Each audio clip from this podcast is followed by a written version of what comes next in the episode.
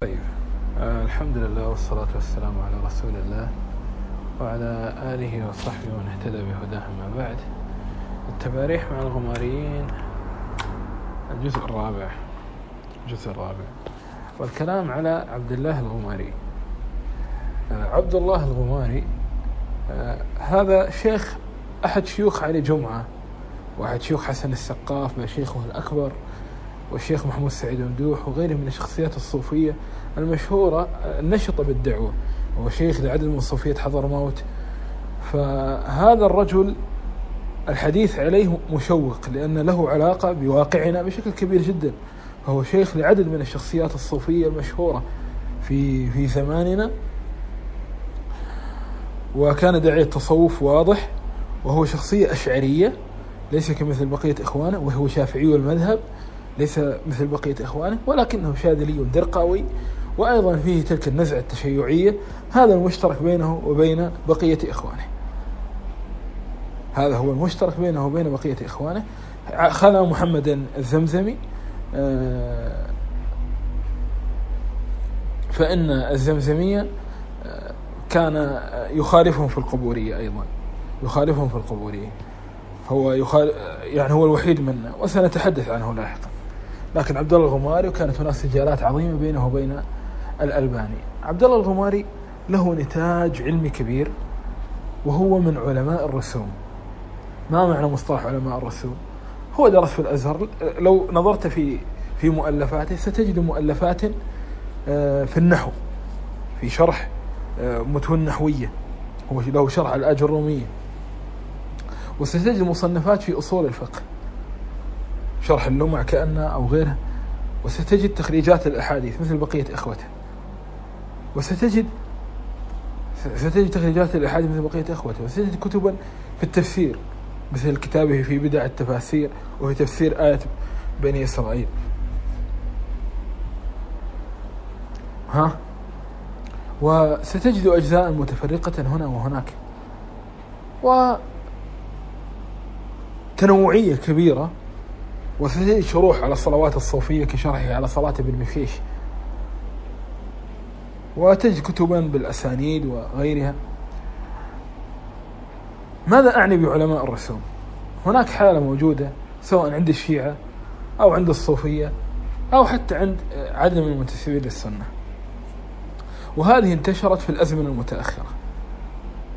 وهذه هي الحالة التي أزعم أنها كانت أحد أهم أسباب تراجع الحالة العلمية والذي كان ابن تيمية أحد صور الثورة على بعض صورها أو على العديد من صورها وكذلك الدعوة السلفية بصورتها التقليدية وحتى السلفية المعاصرة كانت ثورة عليها بصورة من الصور والثورة عليها هو مشترك بين الحركية ببعض صورها والسلفية وإن كانت الحركية ببعض صورها استفادت أيضا من بعض منتمي هذه. هذه الصورة الرسمية من العلم الفلاسفة كانوا إذا جاءهم إنسان أول ما يعلمونه ماذا؟ أول ما يعلمونه الرياضيات لماذا؟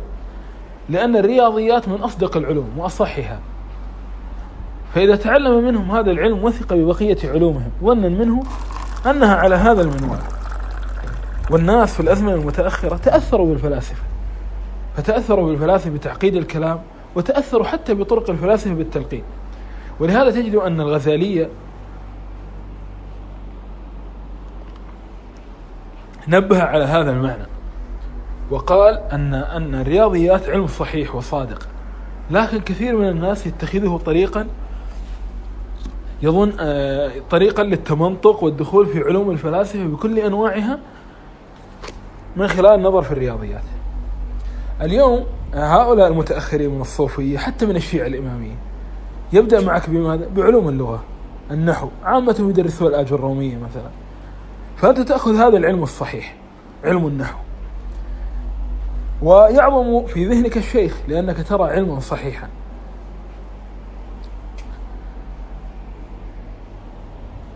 ثم هم عودوا أنفسهم على أن يتعمقوا في هذه العلوم ويتوسعوا فيها جدا جدا جدا.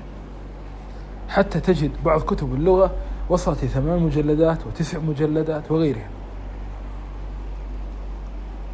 وعلم اللغة علم محايد إلى حد كبير. وعلم كثير من قضاياه صحيحة شأنه شأن الرياضيات. فتميل إليه النفوس ثم البلاغة ثم وكانت هناك شكاية من القديم وفي الحديث من أمر التوسع في أمر اللغة والنحو. فإنك إن نظرت في كتاب اقتضاء العلم العمل للخطيب البغدادي تجد آثارا في آخر الكتاب عمن لا يلحنون حرفا ولكنهم كل عملهم لحن. وإذا نظرت في كتاب فيض المناوي فيض القدير للمناوي تجد وصية هكذا تقول خذ من النحو ما يستقيم به لسانك ودع عنك الفضول وفي الحقيقة لا يكاد أحد اليوم يتحدث يسلم من من اللحن. هذا شيء معروف. حتى قال هذا الشيخ عصام بشير مراكشي لما انتقده بعض الناس على لحن صرفي فقال يا جماعة الخير ما في ما في إنسان اليوم يتحدث إلا ويلحن. لهذا مثلا لما بحثوا في مسألة الدعاء الملحون يعني قالوا يعني الله المستعان من الذي لا يلحن؟ طيب. فالنحو له أهميته لكن تم التوسيع. ثم دخلت العلوم الأخرى البلاغة والصرف وهذه العلوم وصار كثير من الناس يتوسعون فيها جدا. وسبحان الله تعطي الإنسان قدرة عالية من الخطابية. فهو, فهو قالب مزين أصله صحيح لكن حصل فيه توسع كبير جدا. حتى أن بعض الناس كانت بدايته أنه ينبغي أن يكون طالب علم شرعي. ثم أخذته علوم اللغة إلى أن صار شاعرا. وفي هذا أمثلة كثيرة جدا. وإلى أن يصير هذا الإنسان وبعضهم أقبل على كتب الأدب ورأى ما فيها من المجون والتهتك فتهتك. منهم مثلا الجواهري هذا الشاعر الذي صار شيوعيا لاحقا وكذا. هذا من أسرة علمية. هو لماذا سمي الجواهري بناء على كتاب جده آه، النجفي. جواهر الكلام. وقد كان مرجع الرافضة في زمانه. وقد رأيت رجلا موريتانيا في في وقتنا. جاءني وجلس عندي وهو متعلم على طريقة أصحاب الرسوم هذه. وكان عنده ضعف في العلم فرأيت صلاته فرأيته يهمل بعض السنن ويفعل أمورا فسألته في ذلك فوجدت إنسانا جامدا مقلدا جدا. فسبحان الله وتكلمت معه في مسألة التقليد فجلس يقول لي اللغة اللغة ونحن لا يوجد عندنا لغة كالأوائل وإلى آخره. فتركته وكان يجلس عندي في المكتبة. فجلست فصرت أنظر إليه. إلى أين سيذهب؟ المكتبة ضخمة وفيها من من كتب العلم الشيء العظيم. فترك كل شيء وذهب إلى ديوان المتنبي. وشرحه للعكبري كان. العكبري هذا حنبلي من أصحابنا. وأخذ الكتاب وأخذ الشرح وبدأ يقرأ فيه. وصار كل يوم يأتي ليأخذ ديو شرح ديوان المتنبي فقلت له يعني يا أخي ما في شيء من العلم يعني واقف معك غير هذا القصة؟ قال لا أنا هذا أنا حتى هناك في في بلادي بلاد شنقيط أقرأ ديوان المتنبي فقط وأنام عليه. طبعا لا شك أن ديارهم مليئة بطلبة العلم ومليئة بكذا لكن هذه أحوال لبعض الناس أنا فقط أريد أن أعطي إلفاتة. ثم بعد ذلك يعني من ضمن العلوم ثم بعد ذلك هناك إغراق في علوم الآلة. مثل علم أصول الفقه وعلم الحديث أصول الحديث. وهذه العلوم كان عبد كان عبد الله الغماري كان عبد الله الغماري وإخوته يستخدمونها استخدامات عجيبة. فإن كتب أصول الفقه آه، المتأخرة فيها الكثير من الأسئلة والأخذ والعطاء وفيها الكثير جدا من الإيرادات وغيرها. فلو نظرت مثلا في البحر المحيط للزركشي لتعجبت من أنه لا يوجد مشهور من مشاهير الأصوليين في الأزمنة المتأخرة إلا وقال كلاما سخفه أحد كبار المشاهير أيضا في تحرير مذاهب الأئمة وفي تحرير بعض المسائل. وهذه وهذا العلم علم أصول الفقه بصورته المتأخرة بالله ركز على هذا القيد. هذا العلم له أصل صحيح وفيه أيضا توسعات وفضول كثير وفيه بدع وأمور نشأت من إشكالات المعتزلة والأشعرية وفيه قواعد و و و وقضايا دقيقة من لم يمعن النظر وينظر في كتاب واثنين وثلاثة وأربعة وعشرة ربما يعني كانت مزلة لقدمه. ولكي لا يظن أنني يعني أتحدث حديث الذي لا يعرف لأن بعض الناس ممكن لما يسمع كلامي القادم يقول هذا يجلس يتحدث عن نفسه و... يا يا بابا معلش يعني بس أريد تفهم حاجة. أنا لو أنا الآن لما أتكلم عن أصول الفقه وأنا رجل مال آثار كثير من ممن يعني من المعجبين ب... بهذا العلم المغالين فيه بصورته المتأخرة سيظنون سيقولون ما شأنك أنت؟ وم- وماذا تعرف؟ فأقول أنا أعرف. أنا أول شيء درست هذا العلم كما يدرسه غيري من طلبة العلم. وأنا لا ينبغي أن أوضع في الضيق الأكاديمي فأنا لم أدرس الدراسة الشرعية دراسة أكاديمية. بل درستها مدة دراسة تشبه الدراسة العتيقة اللي هي الجلوس عند الشيوخ والقراءة عليهم والسماع. وكنت سبحان الله درست عن- مجموعة من الأصوليين من أشهرهم دكتور يقال له مراد أبو ضايع أبو ضايع آه، رجل جزائري. وسأحدثكم عنه لاحقا. ثم بعد ذلك كنت أستمع للأشرطة لبعض مشايخ الأصوليين المعاصرين. ثم في وقت من الأوقات قررت أن أجلد ما عندي من الكتب الأصولية في كل المذاهب.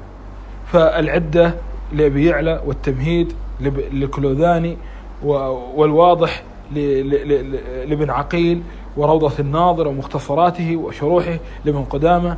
و- والمسود لآل تيمية وإعلام الموقعين من الكتب الحنبلية وقواطع الأدلة والإحكام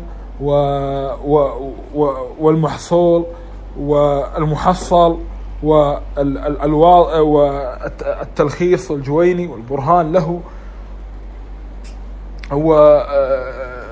والمستصفى للغزالي وغيرها كثير. وأيضا من كتب الأحناف أصول السرخسي وشرح المنار ومن كتب المالكية قرأت الفروق يعني مع الأسف لم يكن والإشارة للباجي وأصول الفقه لابن العربي وغيرها ورسائل المعاصرين المشهورين مثل الشثري ويعقوب حسين وعبد الكريم النملة وغيرهم كثير كثير. يعني أخذت أيام وطبعا كتب ابن حزم لا شك لأنها موجودة في كل مكان. وسبحان الله والشوكاني والصنعاني ودراسات الدكتوراه في المسائل الأصولية ما وقع بين يدي ولي إن شاء الله رجعة. فأنا لا أتكلم كلام من من من لا يعرف يعني. بل عندي مطالعات متوسعة إن شاء الله في هذا الباب. طيب. فهذا هذا العلم فيه قضايا صحيحة وهذه تكثر في كلام المتقدمين أنا شخصيا كنت لما في بدايات الطلب لما قيل أنا أدرس أصول الفقه لما درسته أول مرة استعسرته ثم بعد لما درست الفقه ثم عدت أدرسه وجدته أيسر. ثم سبحان الله وجدت كلمة لأبي يعلى يقول أنه ينبغي أن يدرس الفقه قبل أن يدرس أصول الفقه. أصلا أصول الفقه علم المجتهدين. فكيف تدرس أنت علم المجتهدين؟ قال تدرس علم المقلدين على الأقل.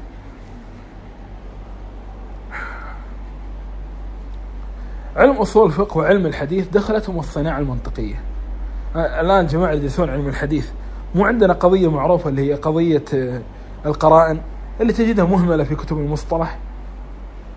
واللي حاتم العوني لما كتب المنهج المقترح ركز على أنه صنعة المنطق دخلت على علم الحديث فأفسدته.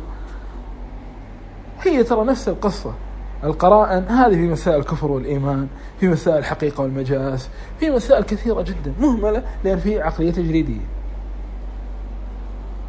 رأيت الله يحفظك.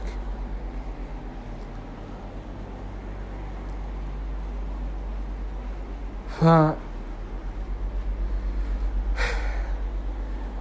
الآن مثلا ما هي عيوب كتب مصطلح الحديث؟ سأذكرها لأنه في العادة الشباب يعرفون مصطلح الحديث. مثلا من عيوبها هناك تعريفات خاطئة على غير طريقة المتقدمين. هناك أمور مهمة جدا من صلب الفن مثل مثل قصة مثل قصة سلوك الجادة وغيرها من القضايا وألفاظ الجرح والتعديل وغيرها من القضايا المحورية. لا توجد في كتب مصطلح الحديث. المشهورة. صح؟ وبيد أنك تجد قضايا أخرى يعني لا تفيد كثيرا في العلم. موجودة في كتب مصطلح الحديث. طيب كتب أصول الفقه فيها نفس القضية.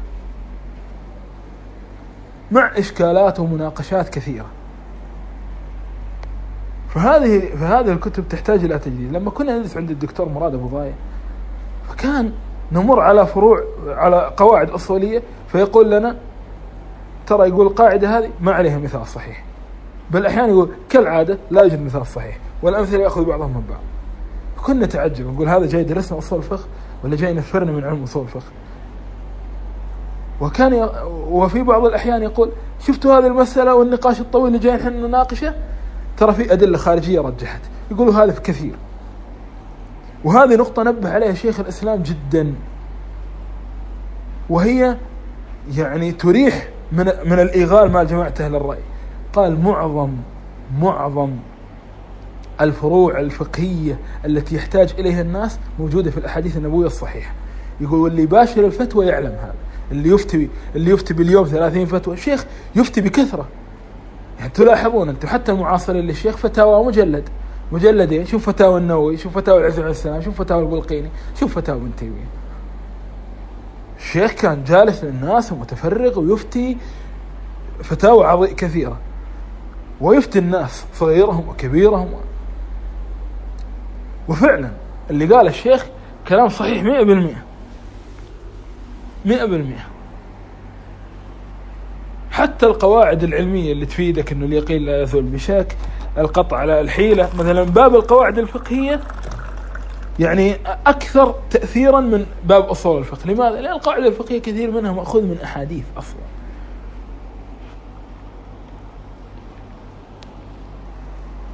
طيب؟ وهذه من إشكاليات علوم الكتب آه، المذهبية المتأخرة. الكتب المذهبية المتأخرة تلقى خمس مسائل مثلا في باب معين مثلا عندنا عشر مسائل في باب معين. خمسة فيها أح... آه ثلاثة فيها أحاديث. اثنين فيها قياس قريب وفيها آثار. هذه خمسة. خمسة أخرى آه تفريعات بعيدة الوقوع. ممكن هذا يعني. ما على وفيها فلا أقول لك هذه الكتب لا يوجد فيها فائدة. لكن حقيقة حقيقة الفائدة مخلوطة بكلام كثير قليل الفائدة. حتى أنك تحتاج إلى أن تنقشها نقشا بخلاف كلام السلف الذي يعني تجد من باب السهل الممتنع. كلام السلف سبحان الله في هذا المعنى السهل الممتنع. نحن أثرت علينا الفلسفة والفلاسفة كانوا يتعمدون الإغراق. والإعجام وغيره. أما كلام السلف وحتى من تأثر به مثل شيخ الإسلام تجد من باب السهل الممتنع كلام واضح آه، لطيف وهذه كانت فتنة الظاهرية. يعني ما أحد درس على الكتب الفقهية المتأخرة جدا ثم نظر في كتاب المحلل لابن حزم إلا وجد لذة على المشاكل الكثيرة في هذا الكتاب. إيش اللذة؟ اللذة إني أنا فاهم أحس نفسي قاعد أفهم. أشعر أني أفهم الفقه. يعني ترى بعض الكتب يعني حتى لما ينظر فيها الإنسان في بدايات يدخل في تدخل في درجة الإياس. يجد أمامه 12 مجلدا 13 مجلدا ثم يفتح الأول فيها فلا يكاد يفهم كلاما كثيرا. هكذا حصل لكثير من الناس. وترك طلب العلم وابتعد و... فالمطلوب اليوم أن تؤسس كتب فقهية تكون واضحة وعلى الأدلة وبنفس الوقت ما فيها غلو الظاهرية بل فيها نظر أثري. طيب.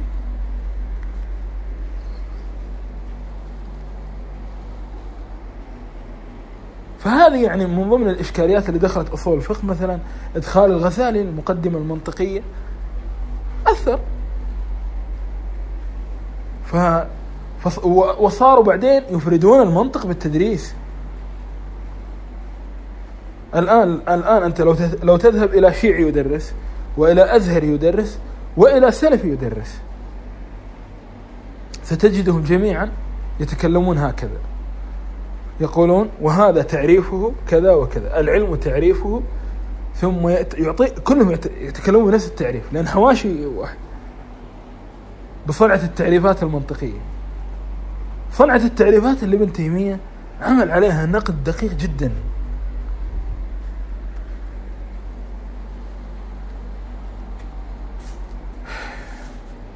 وإن هي الصنعة اللي ينبغي أن تكون الفروق. وإلا أنا ما أعرف لك شيء إلا من خلال معرفتك بشيء آخر فأنا أقرب لك بس.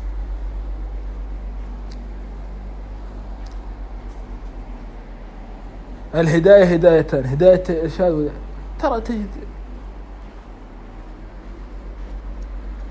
هذه الرسوم. هذه الرسوم جميلة تقسيمات وش لكن كثير منها ليس هو عمق العلم. ما هو عمق العلم؟ عمق العلم ما يترتب عليه عمل عمل جوارحي أو عمل قلبي. هذا حقيقة العلم. وما يترتب عليه إقامة دلائل على مسائل. وما يترتب عليه المقدرة على حل الإشكالات المعتبرة. هناك شيء كثير يلقن لطلبة العلم وربما يجلسون ويتحدث والإشكالات المعتبرة المتعلقة بمسائل العلم الجوارح والعلم القلبي لكن العلم خلط اليوم بكثير من المسائل التي فائدتها ليست عظيمة وإن كان الإنسان لو جلس في مجلس وبدأ يتحدث فيها ويذكر و...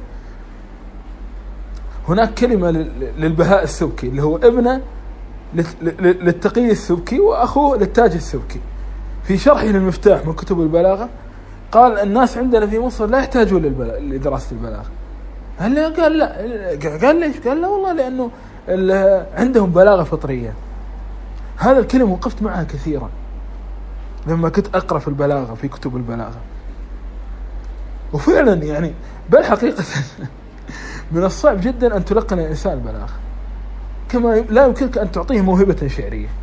ممكن الدرس الأوزان لكن لا يمكن أن يتعلم آه، آه، البلاغة إلا يصير إنسانا محاكيا يعني. ولا شك أن هذه العلوم تصحح أخطاء وغير ذلك.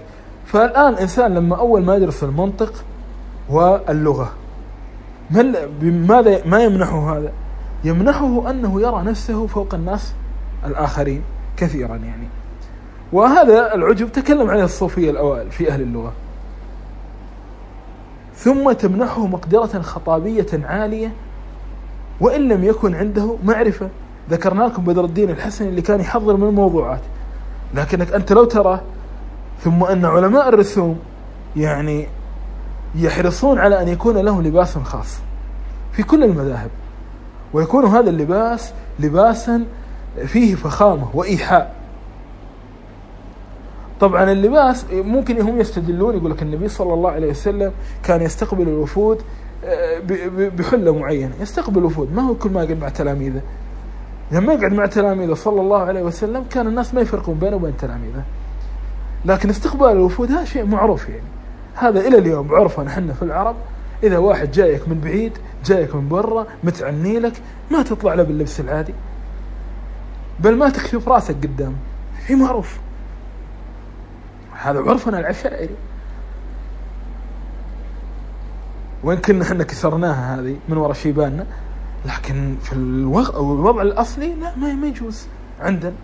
إنك لابد إنك تلبس. هذا كعرف. لكن مع التلاميذ مع غيرها أما يصير لك لبس دائما أنت لابسه ومميز. يعني هذا لما الأعرابي يدخل يقول ما فيكم محمد؟ هو الأعرابي يشوف. فلا شك إنه النبي صلى الله عليه وسلم ما كان يختلف عن الصحابة. لكن اليوم هل أي إنسان يدخل لحلقة علم تبع الصوفيه تبع شيعة تبع السلفيه لن يميز الشيخ أو مجلس عادي حتى لن يميز الشيخ في مجلسه وفي مكانه وفي ملبسه رأسا سيميز الشيخ. حتى نحن عندنا في في سياقاتنا السلفية الشيخ ابن مشرف الأحسائي كان ينصح بهذا. يقول البسوا لبس زين عشان العوام يهابونكم. كان ينصح بهذا وحتى بعض المعاصرين ماذا يقول؟ يقول على طلبة العلم أن يلبسوا البياض ويلبسوا ما يوقرهم الناس لأجله. ثم يذكر يقول عمر في الموطأ قال بس البياض لا أعرف في الموطأ هذا. علما أن عمر الوارد عنه في الآثار أنه لم يكن يعرف البر فيه حتى يتكلم. يعني لبسه كان ما يدل على مكانته في العبادة والعلم نهائيا. بل علي بن أبي طالب عوتب في هذا. قالوا له أنت ليش تلبس بالطريقة هذه؟ علي. فقالها قال ما نكسر قلب الفقير؟ وينزل لنا الغني يقتدي بنا. إلا أن الله إذا أنعم على إنسان يحب أن يرى أثر نعمته. هذا بالإنسان اللي يتقشف مرة واحدة وهو صاحب نعمة. فيصير كأنه من السؤال وهو فيه نعمة. لا أنت البس لبس محترم وخلاص. ثوبه حسن ونعله حسن. بل أصلا قديما كانت الآية معكوسة. كان كثير من الصوفية ماذا يفعل؟ هو يتقشف في الملبس عشان يظنون الناس أنه من العلماء الزهاد. فيقول ابن الجوزي يقول يظهر الزهد في الملبس وهو لا يزهد بتقبيل أيدي يديه. فهذا يدلك إيش؟ يدلك ان العلماء في وقت من الأوقات كان أصلا سمتهم المعروف إنهم ما ما يظهرون هذا الشيء المعظم فهذه قصة الرسوم ودائما يستدلون بقصة مالك ولبسه كذا. عموما يعني انصحت لأنه حقيقة آه، عياض في المدارك في ترتيب المدارك ذكر قصصا كثيرة عن مالك لا توجد إلا في في كلامه فتحتاج إلى مراجعة. هذا ان صحت فهذا مالك هذا حاله لا شك. وهو شأنه هو رجل أصلا مالك عليه هيبة. طبيعية. يعني وكان هذا يذكر في ترجمته أنه رجل عليه هيبة طبيعية وكذا فلا شك. أما أنها تتخذ سنة ويتواصى بها الناس فالناس كانوا يتواصلون بعكس هذا.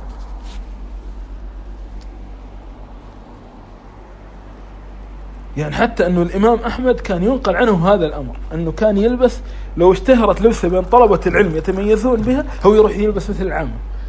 لكن ما لم يكن إثما ما لم يكن إثما.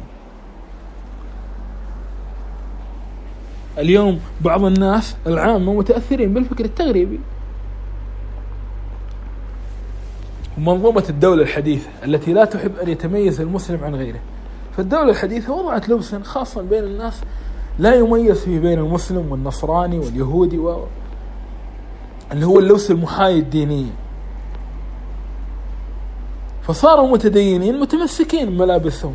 بالثوب بالطاقية في بعض الأماكن بحيث أنه يعرف من, من يرى إنسان يعرف أنه مسلم.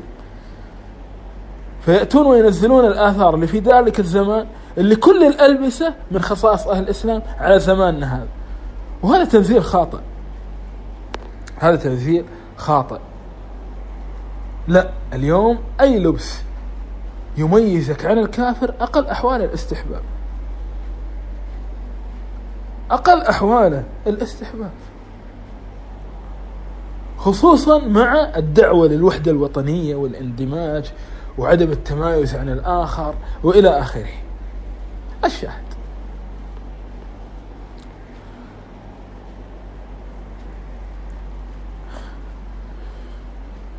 والرغبة عن السنن بل والسخرية من السنن من أصحاب السنن ومن يعملون بالسنن. والله أظن العلماء قديما لو كانوا أدركوا الناس وهم يسخرون من الثوب القصير لأوصوا كل تلاميذهم أن يجعل الثوب إلى منتصف الساق. والله العلماء على فقههم اللي أنا أظن فيه لأوصوا كل تلاميذهم حتى حتى يكسر هذا في قلوب العامة. يعني عشان الناس خلاص تعرف إن هذا واقع أمامك وإنه أهل الدين حريصين عليه ومعتزين به أشد الاعتزاز. وأكثر ومثل ما أنت تحاول تكسرني نفسيا عن سنه الرسول الله أنا أكثرك نفسيا باللي قدامي. الفساق يفعلون هذا أصلا.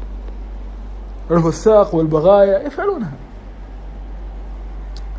فعلماء الرسوم تتم رسومهم بهذه الأمور. ولهذا تجد كثيرا منهم لا يحسن النزول للعامة. فتجد علماء كثير لكن لا تجد له آه، واقع في واقع تجده واقع في فخ النخبوية. هناك مجموعة من علماء الرسوم عنده ذكاء وعنده مقدرة على النزول للعامة. منهم من ينزل بحيث يترك رسومه هذه وهذا اللي تجد عند عند مشايخ الشيعة. أنت اللي يجلسون في الحسينيات ويجلسون يتكلمون بطريقة العجائز هذه وكذا. ترى هذا هذا بسبب أنهم أهل رسوم. لما درسوا في الحوزات درسوا بالرسوم. لو تكلموا بها على المنابر ما يفهمهم أحد. فماذا يفعلون؟ ينزلون تمام. وهناك ناس لا عندها نوع من الذكاء اللي هو يستطيع أن يوصل الأمر للآخرين. بطريق النزول أنه أصلا ينقي هذه المادة. كان أكثر ناس متميزين يستطيعون أن يصلوا للناس بسهولة ويكتسحوا السلفية.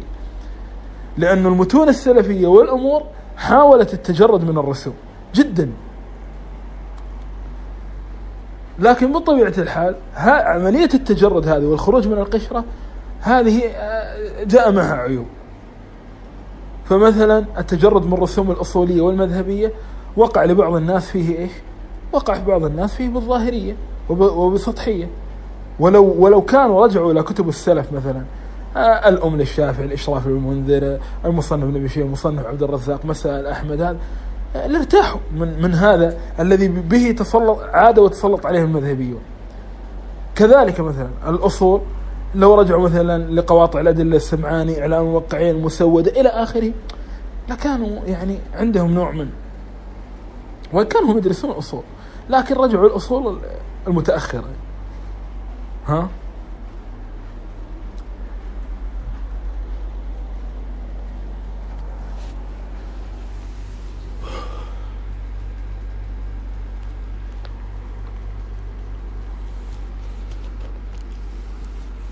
إيه. وفي اللغة في اللغة لا كثير منهم يعني يستقيم لسانهم ويدرسها دراسة جيدة ولكن لا يتوسع فيها جدا. وأما في أمر الحديث فكان الخروج على طريقة منهج المتقدمين وكذا. آه، كانت طريقة الخروج طريقة الألباني وطريقة الناس اللي قالوا منهج المتقدمين. ولو رجع لكلام المتقدمين فنظر في القرائن في الاحتمال مثل ما يرى في بالقرائن في الإعلان. لا لا استقام الحال جدا. ولكن الله المستعان. فهذه الحالة فيها عيوب. الآن بعض الناس بسبب الحدية أرادوا أن يعودوا للحالة الأولى. لكن حالة الرسوم لن تصمد. لن تصمد. نعم المذهبيين يعني حاولوا أن يسوقوا لأنفسهم بطرق لكن لن تصمد. وراح يرجع الناس وهكذا راح نظل ننقلب مثل قصة الانتخابات. إحنا الانتخابات كيف؟ حزب اليوم هو أسهمه أعلى ما يكون. الناس ملوا منه يذهبون لحزب آخر. هكذا خصوصا إذا صار الموضوع على مزاج على مزاج الناس. عبد الله الغماري كان من هؤلاء علماء الرسول. والعجيب أنه كان يتلاعب بهذه الأمور مثل أصول الفقه وغيرها ثم يدمج معه خرافاتهم و بما أصلا لا يتسق مع شافعيته فمثلا مع كتابه في كتابه الفوائد المقصودة في الزوائد الشاذة والمردودة. الفوائد المقصودة في الفوائد في الزوائد الشاذة والمردودة. في هذا الكتاب يصرح أن خبر أبي هريرة إذا خالف القياس لا يقبل. صرح في مكان. وهذا الأصل هو أصل الأحناف.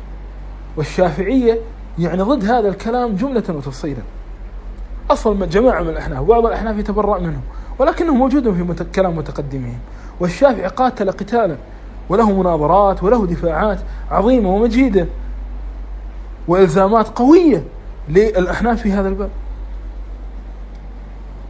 فألزمهم التناقض في حديث من من من شرب آه، فالصائم من أكل أو شرب ناسيا فإنما اطعمه الله وسقاه وقال الحديث خلاف القياس لأبي هريرة وأنتم أخذتم به. وفي موضوع المصرات ألزمهم وفي موضوع آه، حديث أبي هريرة لا يجمع بين المرأة وخالتها والمرأة وعمتها. وقال يعني هذا حديث ما رواه إلا أبو هريرة والكل أفتى به كل طوائف الملة وإلى آخره وكلام كثير. وخصصنا به عموم القرآن فكيف لا نرد به قياسكم؟ وعموم القرآن أقوى من قياسكم وإلى آخره.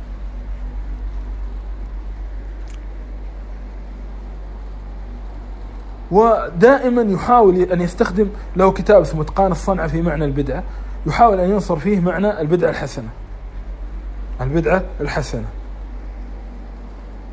وبعض الناس ناقشوه. ف وهذه قصة البدعة والبدعة الحسنة. يعني حقيقة هذه من أعجب الأمور أن يتمسكوا بها. فلأنه والله العظيم ما تستطيع أن ما يستطيع أن ينضبط عندك الباب. موضوع البدع في في أصول صاحبها لا يستطيع أن يطردها نهائيا اللي هي البدعة الحسنة لا تستطيع أن تطردها في كل البدع وتتقبل كل البدع في الدين. وموضوع أنني ما أقبل اتفاق السلف ستجد نفسك فجأة استدل استدلت باتفاق السلف. وقد قال فيه جماعة وكذا وكذا. ما أحد يستطيع. ورد الأخبار. أني يعني ما أقبل الأخبار والأحاديث إلا ما هذه هذه أصول ما أحد يستطيع أن يطرد فيها والله نهائيا. وبدأ يركز على وله عدة كتب في حديث الأعمى. ينزلون به بموضوع التوسل. والعجيب النكتة أنه آه، ألف كتاب سماه القول المقنع في الرد على الألباني المبتدع وبدع الألباني بعض الأمور. فالألباني كان يسخر منه يقول يعني أنت صاحب بدعة حسنة وبدعة وتقول عني مبتدع. نحن من المبتدع أنت صاحب البدع الحسنة. والعجيب ماذا؟ أنه يعني قال أنا اكتشفت اكتشافا يعني هذا من ضمن تجديد الغماريين فيما يرون. أن الصلاة على الصحب صحب النبي صلى الله عليه وسلم في الصلاة الإبراهيمية آه، بدعة. أو أن الصلاة في الإبراهيمية ما حد يصلي. فقال الصلاة على الصحب أننا مثلا في آخر المحاضرات يقول وصحبه وسلم. قال بدعة ما في وصحبه. هو فعلا ما في وصحبه.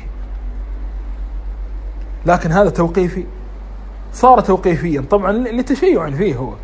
يعني الآن صار توقيفيا. ثم صلاة بالمشيش والصلاة النارية وورد الشيخ النوراني وورد العللتاني لا عادي.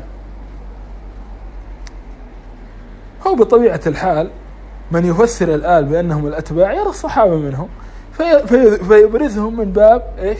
من باب عطف الخاص على العام.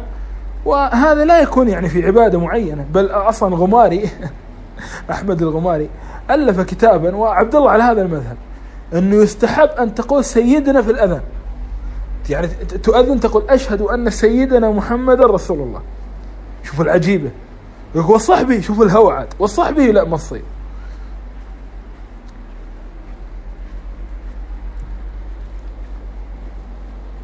يقول أشهد أن يقول يستحب.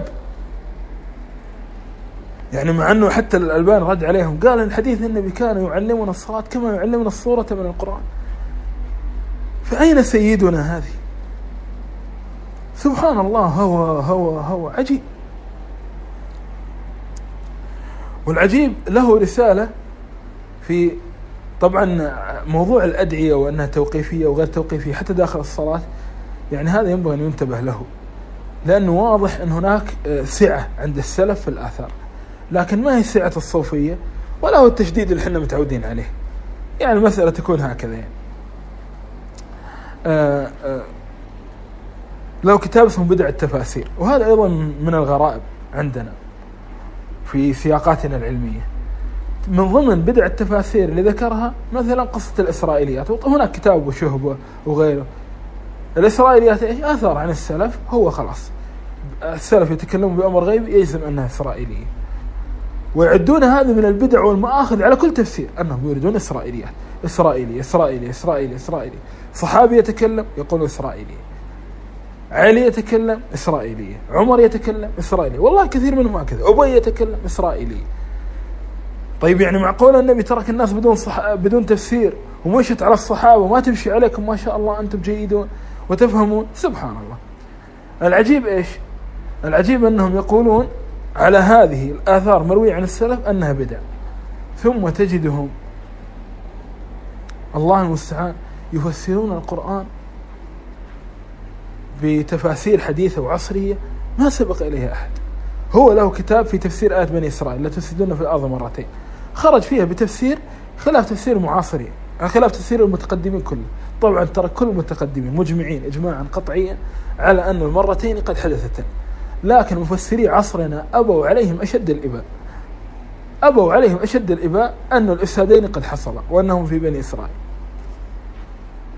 حتى أن أحد مشاهير عصرنا له مقطع فيديو في, في اليوتيوب أين أخطأ المفسرون في تفسير آية بني إسرائيل؟ هكذا عنوانه. أو أين أخطأ المفسرون في تفسير آية الإسراء؟ أو شو فأنا ظننته عنوانا لا يطابق الواقع لأني قلت يعني لا يعقل أن الرجل يتكلم بهذه الطريقة يعني يزعم أن كل المفسرين أخطأ. يعني أظن أن هذا يعني ما يعني ما في إنسان يعني مهما بلغ من العلم مهما بلغ من كذا أن يتجرأ ويقول هذه الكلمة. يعني أن أخطأ كل أخطأ المفسرون هكذا لأنه يعرف نفسه تفسيره جديد. فلما سمعت المقطع وإذا بالرجل فعلا يعني هو يقول هذا. وحقيقة هذه الاستهانة بكلام السلف وتفاسيرهم هذا أمر ينبغي أن يعتني به آه، المختصون. هناك جهود ونرجو جهودا أعظم لأنه صراحة فيه جرأة عجيبة على تفاسير السلف وبحجة أنه والله القرآن ويفسر تفسيرا جديدا و... تفسير جديد تستنبط استنباطات جديدة يحتملها النص أهلا وسهلا. يحتملها الظاهر بدون أن تناقض كلام السلف. أما تخطئ السلف بهذه الصورة فلا هذا شيء غير مقبول نهائيا. هذه نزعة هذه نزعة حداثية. هذه نزعة حداثية ما ينبغي.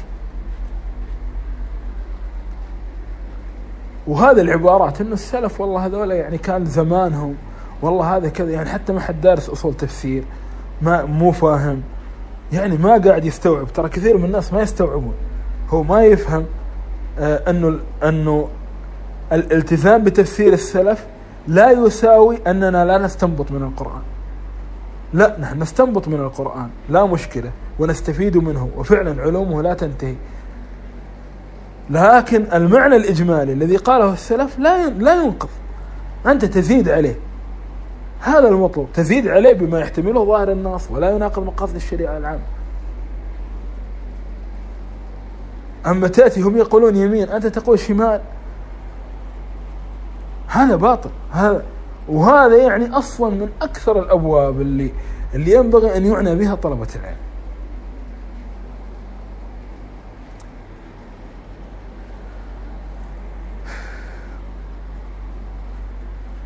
فالشاهد أن عبد الله الغماري حتى له كتاب يعني يحاول يحاكي فيه الجامع الصغير لكن لم ينتشر. عبد الله الغماري أيضا من ضمن التأثر بهذا العصر وكان له أصدقاء مشايخ سلفيين ومرة قعدوا معاه واستتابوه. وكان صديق للشيخ بكر أبو زيد حقيقة. وبعدين تخاصما يعني. وهو يعني حتى كتب على بكر أبو زيد إن كنت ترى هجر مبتدع واجبا فأنا أهجرك لأنك مبتدع وهابي. هكذا يعني.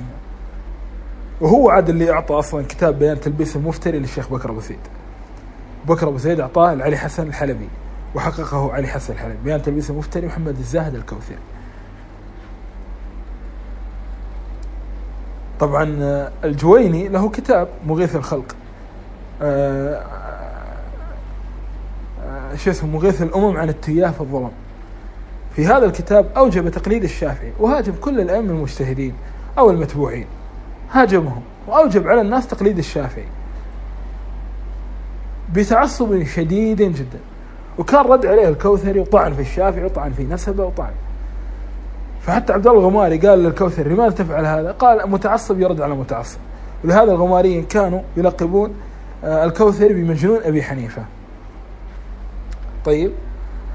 وسبحان الله انظر إلى هذا التعصب. وحقيقة يعني لما تكلمنا عن المجددين ظهر لك مسحة تعصب عند كثير من الشافعية. وهذا موجود تاريخيا. الآن مسألة أنه الحنابلة هم المتعصبون وكذا الحنابلة مثلهم مثل غيرهم. ولكن حقيقة التعصب والتعصب على الناس و واحتكار العلم واحتكار الحق واحتكار أصلا وجد في المذاهب الأخرى أكثر من من الحنابلة.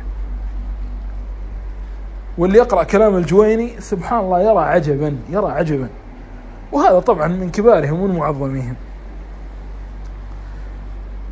أه، تذكرت يعني أنا هذا لكن نحن اليوم مع الأسف حتى مصطلح تعصب هذا المصطلح بما أننا في الزمن الحديث وزمن الحداثة وزمن تهميش القضية الدينية إذا لم تتعلق بمنظومة المصلحة والمفسدة الحداثية اللي هي لها علاقة بالمأكل والمشرب والمنكح. كلمة تعصب انمطت.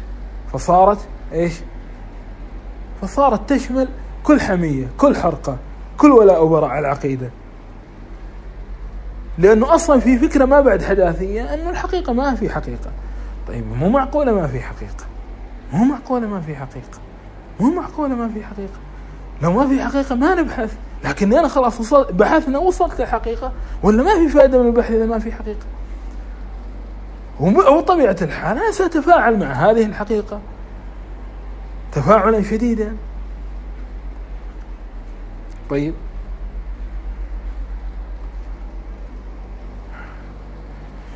فعبد الله الغماري يعني ويبدو أن عبد الله الغماري كان فيه سماحة. لهذا حسن السقاف كان يحبه جدا. طبعا حسن السقاف يعني من من الباء علوي الحضارمة. السقاف ذولا ترى أولاد عم الجفري. وأولاد عم ال ال ال أظنهم من قال لهم العطاس معهم أيضا. حضارم هؤلاء حتى في الإمارات صوفية وفي الأردن صوفية وعندنا هنا في الكويت أيضا سقاقفة آه، عندهم يعني هكذا وهكذا. وفي منهم ناس في جدة. وغيرها يعني منهم السلفي ومنهم غير ذلك. فحسن السقاف اللي شن هجومات كثيرة على الألباني. هجومات إيه أظنها هكذا تقال. شن هجوما عظيما على الألباني. حسن الثقاف كان تلميذ العبد الغماري. حسن الثقاف من الباعلوي والباعلوي أصلا فيهم تشيع بحجة أننا نسبنا يعني نسبنا جاي العلي. الغمارية نفس القصة. فصار نوع من الالتقاء هذا. وعلى فكرة الباعلوية الطريقة الصوفية في حضرموت أول من أحضرها إليهم آه، صوفي آه، مغربي. لما تقرأ عن الصوفية بحضرموت متى بدأت؟ بدأت من رجل سافر المغرب وجاءهم طيب بهذه الطريقة مذهب الشافعي. فحسن السقاف يعني تلقى هذه الأمور من عبد الله الغماري تلقى بغض طبعا بغض معاوية مع ما ورثه من أسلافه وسمع بس مع سماع كتب الحديث وغيرها. فحسن السقاف في وقت من الأوقات شن هجوما عظيما على الألباني. ألف كتاب سماه تناقضات الألبان واضحات. الكتاب فيه من الظلم ما فيه وفيه بعض الانتقادات الصحيحة. سوى ثلاث مجلدات وهذا كتاب سيء. وألف كتاب سماه قاموس شتائم الألباني. وحسن الثقافة ذكي جدا. آه، يعرف كيف يمارس الثقافة العصرية. يعني نحن الآن مثلا في الثقافة العصرية مثل ما قلت مصطلح التعصب آه، ممطوط فأيضا في مصطلح ثاني اسمه مصطلح الشتائم أي أي لغة أي لفظة شديدة على الخصم تعتبر شتيمة. والألباني كان يرد على ناس كثير قريبين وبعيدين فكان يطلق ألفاظا. والله هذا جهل هذا تعصب هذا باطل وهو يعني يجمع بهذا. سوى كتاب سماه قاموس شتام الألباني. مع أنه هو شتام أيضا الثقافة لكن بطريقة دعائية يعني. وهذه الطريقة توجد اليوم. بتر من كلامك كذا. وعمل كتب آه، مثل البشارة والإتحاف فيما بين الألباني وابن تيمية في العقيدة باختلاف واللي بعدين تلاميذ سعيد فودة لما ردوا على تلاميذ حسن السقاف آه، آه، جمعوا كتابا في الخلافيات العقائدية بين حسن السقاف وشيخه عبد الله الغماري. البشارة والإتحاف فيما بين السقاف ما بين السقاف والغماري من الاختلاف. يعني من باب يعني إحنا نشويك بطريقتك يعني. وكتب كتبا كثيرة. الرد على معتقد قدم العالم والحد. افترى. القول السديد في الرد على من قام تقسيم التوحيد. حقق دفع شبه التشبيه. وتكلم بالحواشي وكان يقول شيخنا المفيد عبد الله الغماري عبد الله الغماري لم يصل لغلو الثقافة لكنه هو مهد مهد لذلك. علي جمعة الذي كان سلفيا في أول حياته وكان تلمذ على الشيخ حمود التويجري هو محمود سعيد ممدوح كانا تلميذان للشيخ حمود تويجري كانا تلميذين للشيخ حمود تويجري. وعلي جمعة ومحمود يعني والشيخ حمود أصلا تلاميذ قلة لكن سبحان الله لأنه يعني كانوا يذكرون عنا شدة. آه، هو وشيخ سليمان بن حمدان. وحقيقة هذان الرجلان حين تنظر في كتاباتهما ترى شبها عظيما بأئمة الدعوة النجدية ترى شبها عظيما بأئمة الدعوة النجدية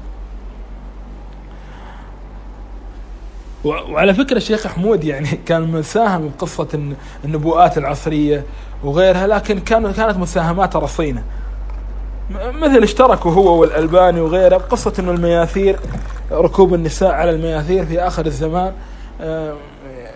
يعني إشارة إلى السيارات وهذه يعني من الاستنباطات اللطيفة والظاهرة والما فيها تكلف يعني في رسالة غربة الإسلام. وأما الألباني فتكلم عن الأمر في صحيح موارد الضمان. طيب؟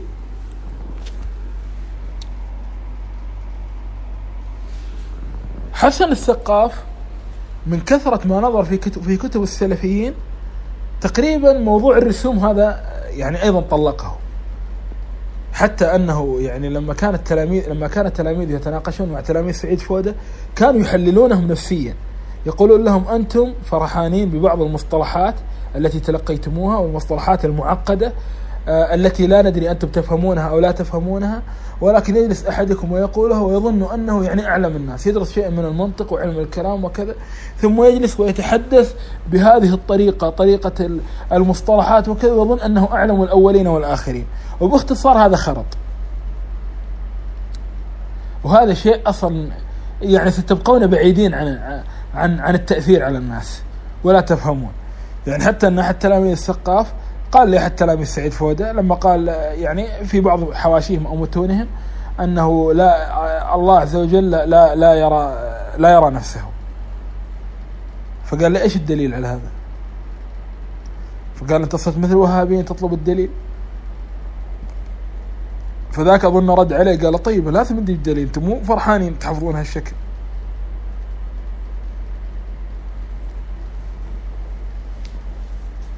وفعلا يعني مواضيع الرسوم هذه. آه، تعطيك إيحاء عظيما إنك أنت لهذا مثلا لما تشوف علي جمعة إذا جاء إذا يكلم العامه يكون كأنه قاعد على مصطبة ويتكلم بالطريقة هذه. لأنه هو الطريقة السهل الممتنع مالت السلف ما يعرفها.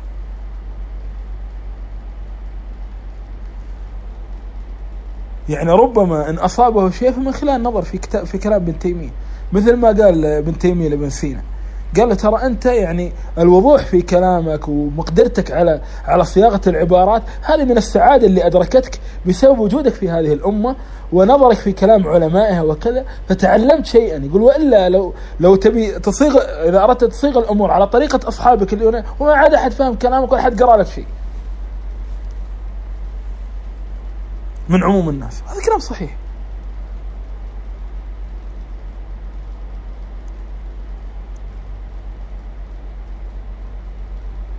وهذا فعلا يعني أنت الآن طالب العلم تقويه لكن لا تقويه إلى مرحلة أنه يصير خلاص لا يستطيع أن يخاطب العامة إلا إما يتحول إلى شيء متدني جدا أو يتحول إلى شيء مخبول لا احد يفهمه. الطريقة الوسط هذه سهل ممتنع هذه طريقة الآثار. وهذا الطريقة اللي اليوم الغربيين الغربيون الغربيون في جامعاتهم الكبرى بدأوا يعني يحاولون أن يجعلوا علومهم بهذه الصورة. ويحاولوا أن يتخلصوا من الإرث الفلسفي في في في في, في نشر العلوم. نعم بعضهم مثلا دخل في قصة تبسيط العلوم وقصة تبسيط العلوم لها عيوب وعلمائهم الكبار يعيبونها يعني. لها عيوب كبيرة. إنها ما تبين حقيقة القضية وكذا. لكن تبسيط العلوم أدخل كثير من الناس في العلوم الحقيقية. أنه درس تبسيط العلوم ثم بعد ذلك حب العلوم من خلال تبسيط العلوم ثم بعد ذلك دخل في العلوم بصورته الحقيقية. لكن لو ظلينا من غير مبسطي العلوم راح تظل الفجوة كبيرة بين العلماء الحقيقيين والناس. لكن هذه كلها طرق فلاسفة ليست طرق أنبياء. لما تشوف نهج الأنبياء كيف يتعاملون مع الناس خلاف النهج العلمي الذي نعرفه نحن عند كثير من من, من الرسوميين. ولهذا التيارات الحركية كان كثير منهم ميله للسلفية بهذا السبب لأن السلفية تحسن السهل الممتنع لأن هذه الآثار ومع الأسف الآن كثير من السلفيين يعني يشتاق للرسومية أو يحاول أن يسير عليه لكن كثير من الحركيين آه، مالوا للسلفية لهذا الداعي لأنه وجدوا أن الرسومية تعزلهم عن الجماهير تماما.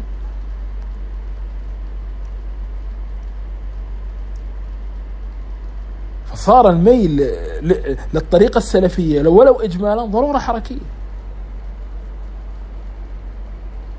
أو حتى محاولة محاكاتها. فنحاول أن نبسط الأشعرية نحاول أن نبسط كذا لكن بعدين جو أشاعرة. قالوا لهم قالوا ترى هذه التبسيطات مو هي حقيقة العقائد اللي عندنا الأولى. ولا هذه. يعني حتى اليوم بعض الناس لما يتذمر يقول لك يا أخي والله لا الأشاعرة وصلوا للطريقة الأولى ولا السلفيين وصلوا للطريقة الأولى. طبعا أول شيء السلفيين ليسوا ملزمين بأن يفهموا كل عقائد الأشاعرة أهل الكلام التصيليين كما فهمها ابن تيميه ليسوا ملزمين. هم يكفيهم أن يعرفوا بطلانها واجمالا لأن هم عقيدتهم مستيقنين هو فقط يحتاج إلى أن يعرف لماذا علم الكلام باطل. ولماذا طريقة السلف صواب؟ وأن السلف لم يكونوا على هذه الطريقة. ترى هذا اللي يلزم به السلف. لكن المتكلم هو ملزم أن يعرف هذا. لكن المتكلم كثير منهم الرسومية كانت قديما مما دعمها كونها يعني هناك دول تدعمها هناك ظروف عامة تدعمها. لكن اليوم اليوم الدراسة الدراسة الأزهرية مثلا أو غيرها يدخل مع علوم أخرى تزاحمها. فتحتاج إلى إيش؟ إلى أن تبسط أنت العلوم الشرعية. الرسومية كانت مبنية على التعمق و... و... فبدأت تضعف شيئا فشيئا بعد ما دخلت العلوم الجديدة. لهذا لن يتكرر نموذج مثل عبد الله الغماري. أب لن ها؟ لن يتكرر. ولا أحمد الغماري. لن لن. بالجزم يعني هذه قبل كانت أسر علمية وتدعم وكذا وكانت معاهد متعمقة ومدعومة من الدولة أو مدعومة من محسنين.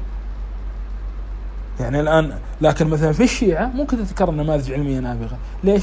لأن المؤسسات العلمية الشيعية ينفق عليها الناس أخماس الناس. فهي مؤسسة مستقلة عن الدولة أصلا. لكن هذه مؤسسة دولت والدولة تعطيك على قدك.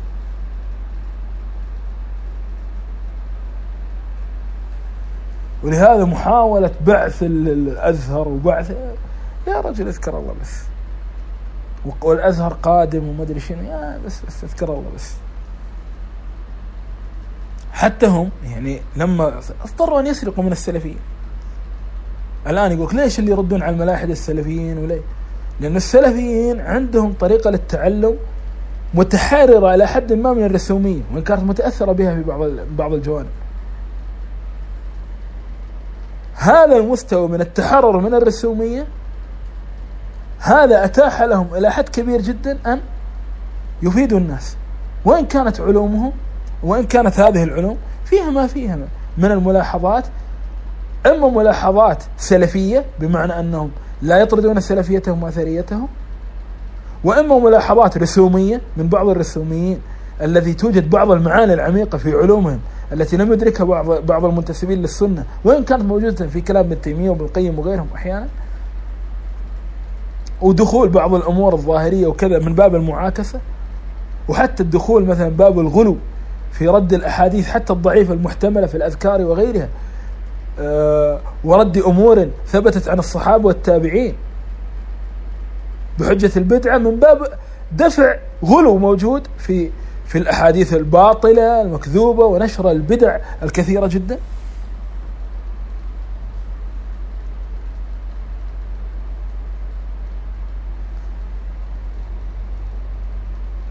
واليوم يعني وأيضا اليوم داخل بعض الناس لماذا يشتاق لموضوع الرسومية؟ لأنك أنت تريد أن تتميز.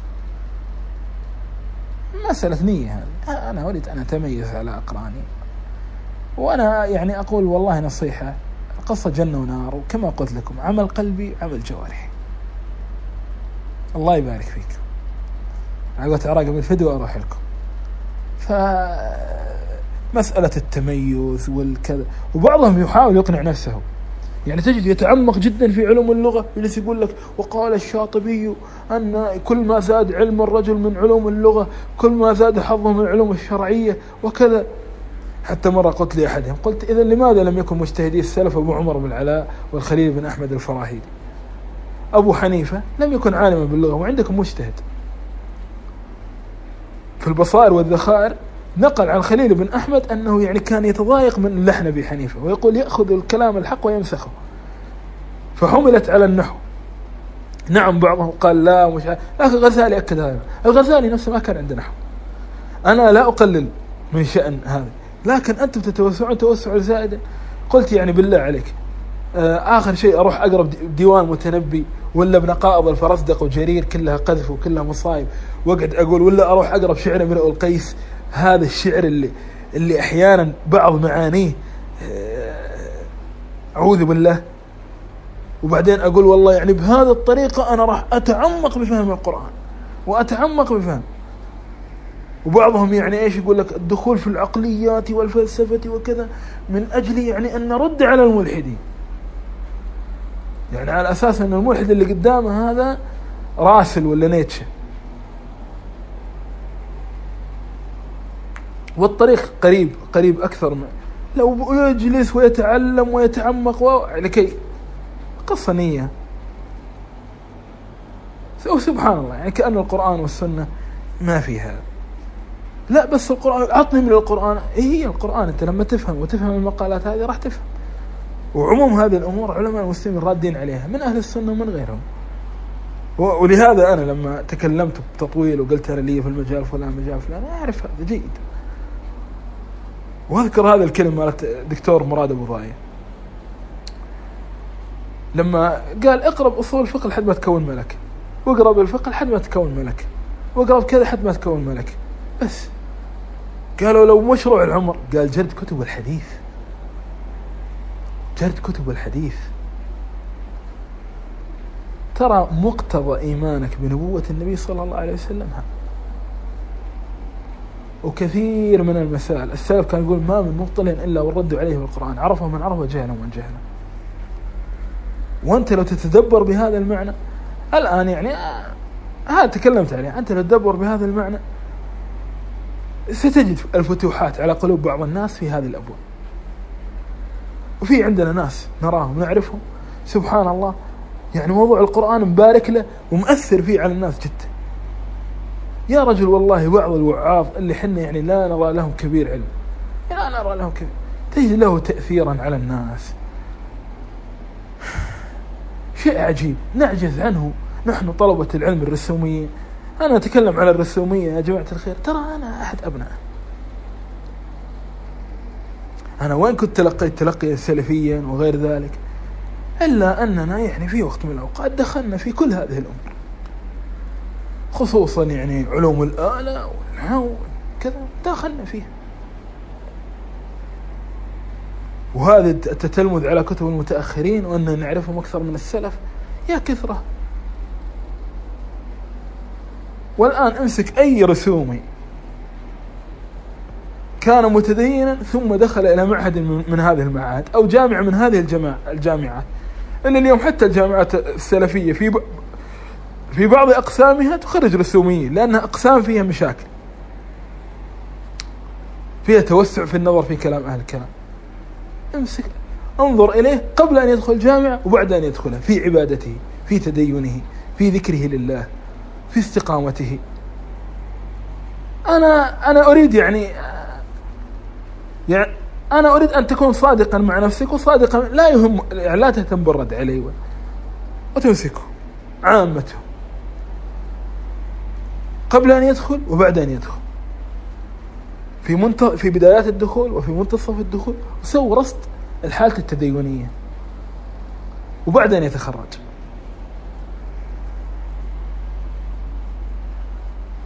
حتى نهمه في الطلب تعال امسك. واسأل السؤال هالشكل قاعدة بينك وبينه؟ بأخوية قول تعال أخوي بالله حالتك الإيمانية قبل أن تدخل أفضل أم بعد أن أن دخلت؟ لأن ترى يعني مثلا يا جماعة الخير ترى في كتب معينة مالت أهل الكلام وكذا تورثك الوساوس. إذا ما كان عندك قوة وأنت قاري في الآثار وقاري لابن تيمية وقاري الناس وكذا تنظر فيها أعوذ بالله. يرمي عليك الشبهة تلقى تلقى عليها رد بكتاب ثاني لكن وين؟ على ما تلقاه. وكثير منهم هكذا. اليوم اليوم لاحظ. رجل ينكر الحجاب مثل عدنان إبراهيم ويحاول يستدل بقواعد أصولية بالتلاعب. لكن يستخدم. عبد الله جديع يكتب في تحليل الغناء ويستدل بقواعد أصولية. الغماري كان يستدل بقواعد أصولية. مش عاد طيب لماذا؟ وهناك من يقول ننسف أصول الفقه من أصلها. وكثير منهم يستدلون بأصول الفقه بما لي بما بما لم يخطر على بال علماء الأصول بلا شك. ولكن هذا الأمر لما رأوه بابا لإعجامه ولكونه آه، فيه ما فيه من من الغموض والهيبة. كأنه كلام الفلاسفة غامض مهيب. فصاروا يستخدمونه ويفسرونه تفسيرات لا تخطر على بال الناس حتى يدخلوهم في بلايا لا تخطر على بال هؤلاء ويحتاج المرء إلى إلى ردود عليهم وإلى كذا. وحقيقة مثل هذا أضعف الشريعة. في قلوب العامة. قل له بالله تدينك عبادتك. عبادتك. بعدها عطوا آه، الزهد لابن المبارك ولا الإخلاص والنية لابن أبي الدنيا ولا الزهد لأحمد ولا كتاب عن سير السلف الصالحين. قول إيش رأيك نقرا ويا بعض؟ إيش رأيك؟ نقرأ سير هؤلاء. خلينا نقرأ. أو حتى عن سيرة رسول الله أو الصحابة وبعدها تعال له. له ها شلون العبادة معاك؟ شلون الذكر؟ شلون؟ أنا أظن بعضهم إذا فعلت معه سينفجر بالبكاء وراح يقول لك أحييت في داخلي ميتا.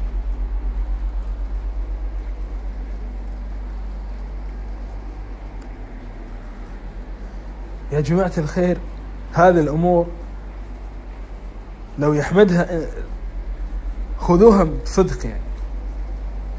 أنا إنسان مستفيد جدا من مدح هذه الأمور لأني أحسن كثير منها ودرست كثير منها عن شيوخ وكذا وكذا وأحسن الكلام فيها.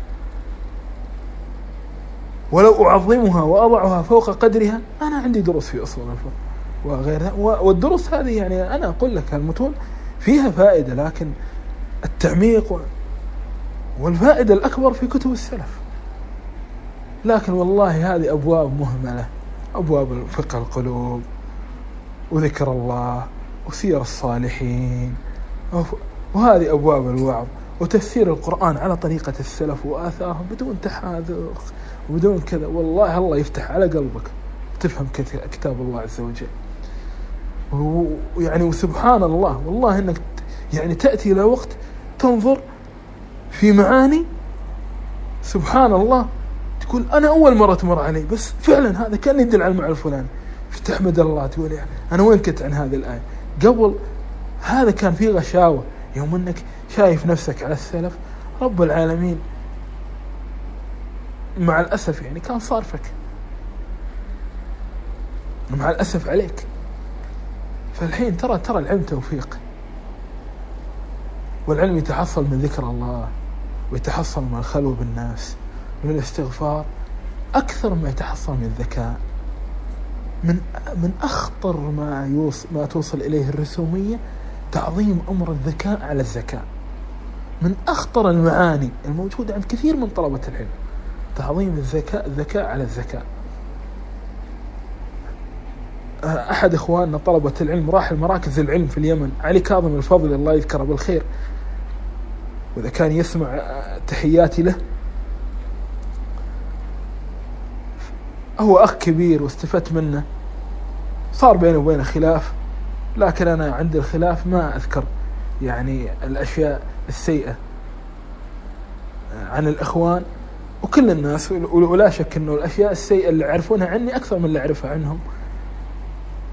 ما أقول هذا تواضع لكني أنا حقيقة الله المستعان. يعني واحد مثلي كثير الغضب تحصل عليه بلاوي. فعلى الفضل قلت له الله أنت رحت اليمن وكذا مراكز وحنا كان ودنا بالجو العلمي هذا إنك يعني تكون درس الصبح درس الظهر درس العصر درس بعد المغرب درس بعد العشاء. وقت من الأوقات كان عندنا درجة من درجات آه، الإقبال النفسي الشديد على مثل هذه الأمور نريدها يعني. فقال لي يا عبد الله بس التحاسد هناك كثير من طلبة العلم. قال لي ترى التحاسد كثير جدا بين طلبة العلم. واليوم أنا وأنا قاعد أفكر موضوع الرسومية طرت علي هذه الكلمة. وسبحان الله التحاسد له وجود. في عموم الأعصار لكن ترى بين السلف نادر. لأن ما كان في مدارس ولا معاهد ولا أوقاف ولا ولا كان في شيء تنافسون عليه. ولا شهايد ولا ما كان في شيء. الناس قاعدة وجهه للآخرة. هو ممكن شغله وماله وأموره مكان ثاني. اللي تنافسون الشعراء والناس اللي تبي تروح الأمير وكذا. ومع الاسف تشبه بهم المتاخرون أختم قصة فيما يتعلق بقصة الرسومية والنلبس وكذا. أنا قصة اللبس وغيرها أنا يعني ما ما ألبس ولا. فسبحان الله لما رحت الحج شكلي أنا لا يوحي بسني. شكلي لا يوحي بسني. وكان ثوبي إلى منتصف إلى نصف الساق.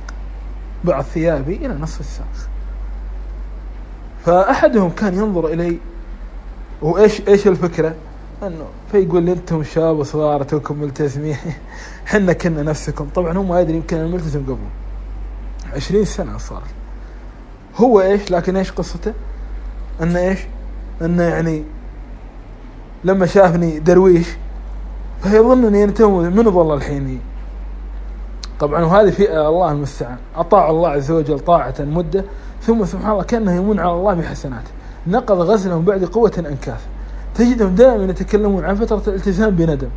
وهذه هي الفئة اللي اليوم عدد منها يحاول أن يحيي الرسومية نكاية بالسلفية.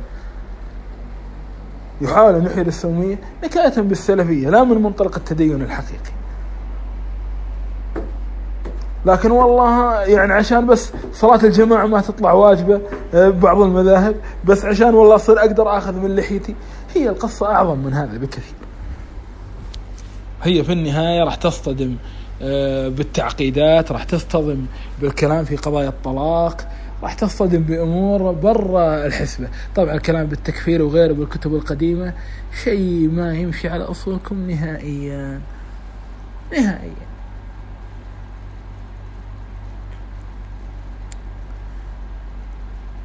سبحان الله